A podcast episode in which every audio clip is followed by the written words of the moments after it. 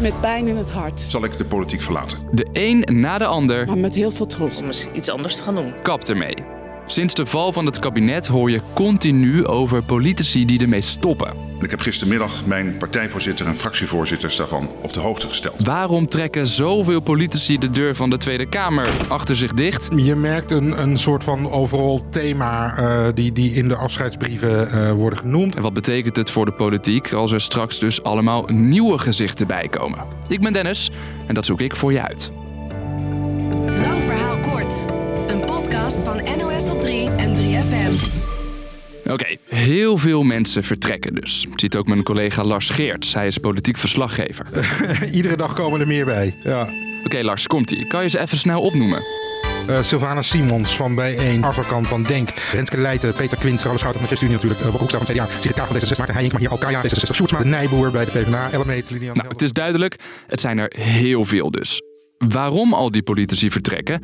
Twee redenen komen veel terug. Eén, de enorm hoge werkdruk. Dat zegt ook Renske Leijten. Het was altijd dat ik met energie gebrek thuis kwam als ik in Den Haag was geweest. Na 17 jaar SP verlaat ze de Tweede Kamer. Of de burn-out fabriek, zoals de Kamer ook wel eens genoemd wordt. Het is wel degelijk zo dat het ontzettend lange dagen zijn. Dat je ontzettend veel te verstouwen krijgt aan dossiers die je moet doornemen, vergaderingen die je moet bijwonen, debatten die je moet doen. En politici vinden hun gezinsleven steeds belangrijker. En dan is het voor mensen met een jong gezin toch wel een behoorlijke opgave als een van de twee uh, zo'n enorme baan heeft. Ja, dan is er ook nog de toegenomen haat naar politici, online en in real life.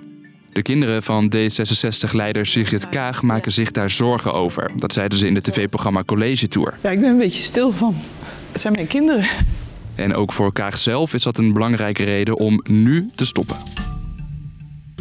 Dat er zoveel politici opstappen is misschien zo gek nog niet.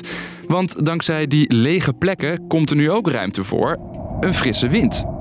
Ik denk dat, dat na 13 jaar Mark Rutte mensen wel toe zijn aan een nieuw gezicht. Je hoort politiek verslaggever Lars weer. Ja, ik noem het wel eens het Unilever-effect. Het is niet zo dat het wasmiddel per se verandert, maar het bedrijf zal toch wel om de paar jaar eventjes het etiket veranderen. Puur en alleen om mensen erop te wijzen dat ze nog steeds bestaan.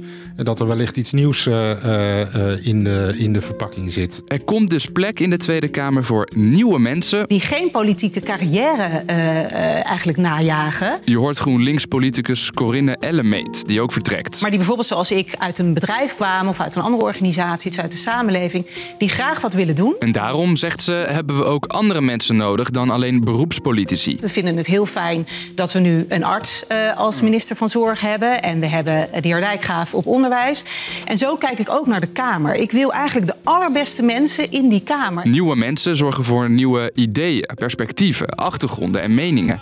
Oftewel, in het Frans-Duits. We gaan het helemaal we gaan het helemaal anders doen, want shit is veranderd. We gaan het helemaal anders doen. Maar nu zoveel politici vertrekken, Dank u wel. vertrekt ook een hoop ervaring. Politicus zijn is toch echt wel een vak. Dat moet je even leren. En die, die leerperiode, die is nou niet per se uh, uh, heel stabiel. Denk maar eens aan de eerste dag op je nieuwe studie of werk. Al die nieuwe mensen, ongeschreven regels, connecties, tradities. Aan zijn nieuwe plek moet je wennen, zegt SP-Kamerlid Peter Quint. Aan het begin is het heel zwaar, want dan is alles nieuw. En dan, dan, dan moet je je eigen netwerk gaan opbouwen en je eigen ideeën gaan vormen. Na ruim zes jaar vertrekt hij ook. En na verloop van tijd zie je wel dat het in ieder geval de voorbereiding van debatten ja, je gewoon iets minder tijd kost. Omdat er gewoon, je hebt het al vaker gedaan en meer mensen kijken mee. Dus te veel vertrekkende Kamerleden, dat moet je eigenlijk niet willen. Dat zegt ook Simon Ortjes, die onderzoek doet naar de Nederlandse politiek. En dat zorgt in mijn ogen voor dat het functioneren van de Kamer als geheel beperkt wordt als er relatief veel Kamerleden vertrekken, omdat er dan voortdurend mensen aan het leren zijn en de Kamer zelf heel veel ervaring verliest. En vergeet niet dat het zoeken naar nieuwe mensen voor de partijen nog een flinke klus is. Vooral omdat ze volgens Lars ook zoeken naar jonge mensen buiten de randstad.